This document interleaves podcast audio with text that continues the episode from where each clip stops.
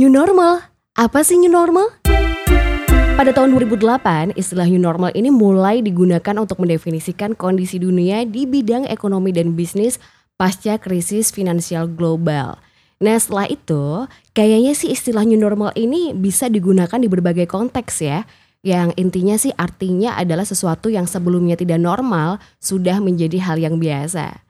Nah beberapa negara di dunia seperti Korea dan juga Vietnam saat ini ini udah mulai menjalani kehidupan new normal mereka. Dan beberapa waktu yang lalu Presiden Jokowi juga menghimbau bahwa kita tuh harus berdamai dengan virus corona. Selama belum ditemukan vaksin yang teruji, nah suka nggak suka mau nggak mau kita harus melanjutkan hidup. Kehidupan yang baru ini emang harus dipersiapkan baik-baik ya. Apalagi sebagai makhluk yang paling adaptif, manusia tuh harus senantiasa mencari solusi dalam keadaan yang sempit. Dan COVID-19 ini menjadi salah satu variabel yang tidak terprediksi sampai beberapa bulan ke depan, mungkin bisa aja sampai tahun depan.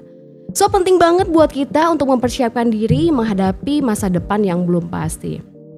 Nah kira-kira apa aja sih sebenarnya yang harus kita persiapkan dan masuk dalam daftar prioritas kita untuk menuju kehidupan new normal? Yang pertama adalah investasi kesehatan. Kalau misalnya dulu ngerasa aneh pakai masker ketika beraktivitas di luar rumah ya kan, sekarang bakal jadi hal yang lumrah.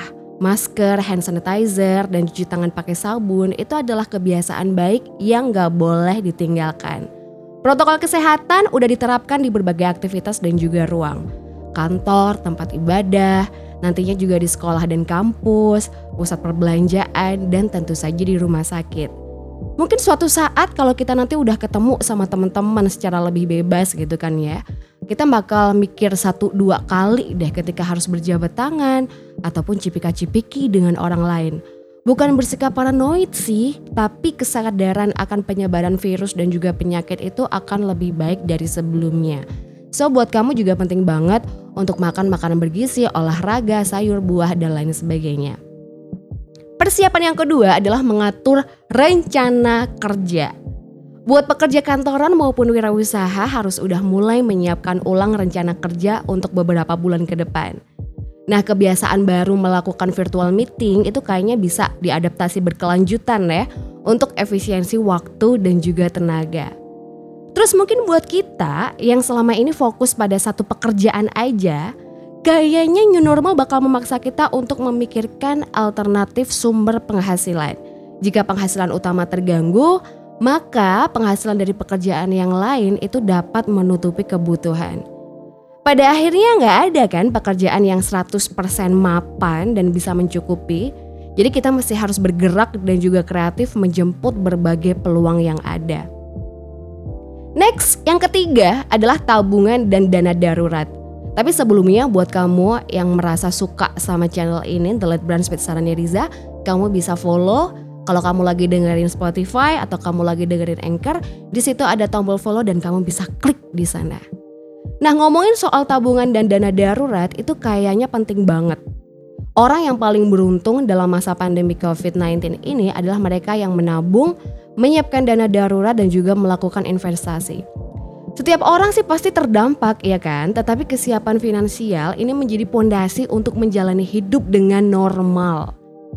Karena kita lihat sendiri, pandemi ini terbukti membuat beberapa perusahaan melakukan pemotongan upah kerja, mem-PHK karyawan, banyak pedagang yang berhenti berjualan, hingga banyak orang yang gak sanggup bayar cicilan. Nah beberapa waktu lalu banyak tuh para financial expert yang mengadakan apa namanya virtual meeting, virtual conference, Instagram live dan lain sebagainya ada beberapa yang Sarah cek gitu kan ya dan ini penting banget buat jadi masukan buat kita dalam mengatur keuangan. Kayak misalnya kita harus pinter mencatat uang masuk dan juga uang keluar. Bisa bedain mana kebutuhan dan juga mana yang keinginan. Kelola hutang dengan bijaksana, pastikan jumlah cicilan itu nggak lebih dari 30% penghasilan kita. Penting juga buat kita menyiapkan dana darurat sekitar 3 sampai 6 kali gaji bulanan kita. Dan yang tidak kalah penting adalah prioritaskan tabungan, investasi dan juga asuransi. Nah, yang gak kalah penting kalau kita tadi udah menjaga kesehatan fisik kita, poin selanjutnya adalah menjaga kesehatan mental. Pernah dong pastinya dengar sebuah kutipan bahwa di dalam badan yang sehat terdapat jiwa yang kuat. Siapa sih yang gak stres menghadapi COVID-19 saat ini? Ngerasa gak kalau tubuh tuh kayaknya lebih lelah dibandingkan sama biasanya? Ruang gerak terbatas, minim sosialisasi tatap muka gitu kan. Jadi bawaannya suntuk gitu loh kalau di rumah aja. Bisa nggak sih kita bayangin hal ini tuh terjadi sampai berbulan-bulan ke depan? Nah makanya supaya mental kita tuh tetap waras, boleh deh kita tuh balik ke hobi yang kita udah tinggalkan jauh-jauh hari. Kalau kamu lihat di Instagram mungkin udah banyak yang sekarang jadi hobi masak, hobi bercocok tanam, menggambar, nonton drama Korea, dan masih banyak lainnya nggak masalah, lakuin aja.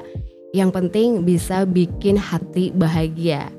Jangan lupa untuk berolahraga, kamu juga bisa melakukan meditasi dan yang gak kalah penting adalah berdoa sama Tuhan supaya diberikan kemudahan. Finally, kita nggak bisa cuma berpikir hidup untuk diri sendiri aja dan hidup untuk hari ini saja. Dengan berpikir ke depan, kita akan lebih siap dan adaptif dalam menghadapi tantangan apa pun. Nah, kalau menurut kamu, kamu udah siap belum menjalani kehidupan new normal kita?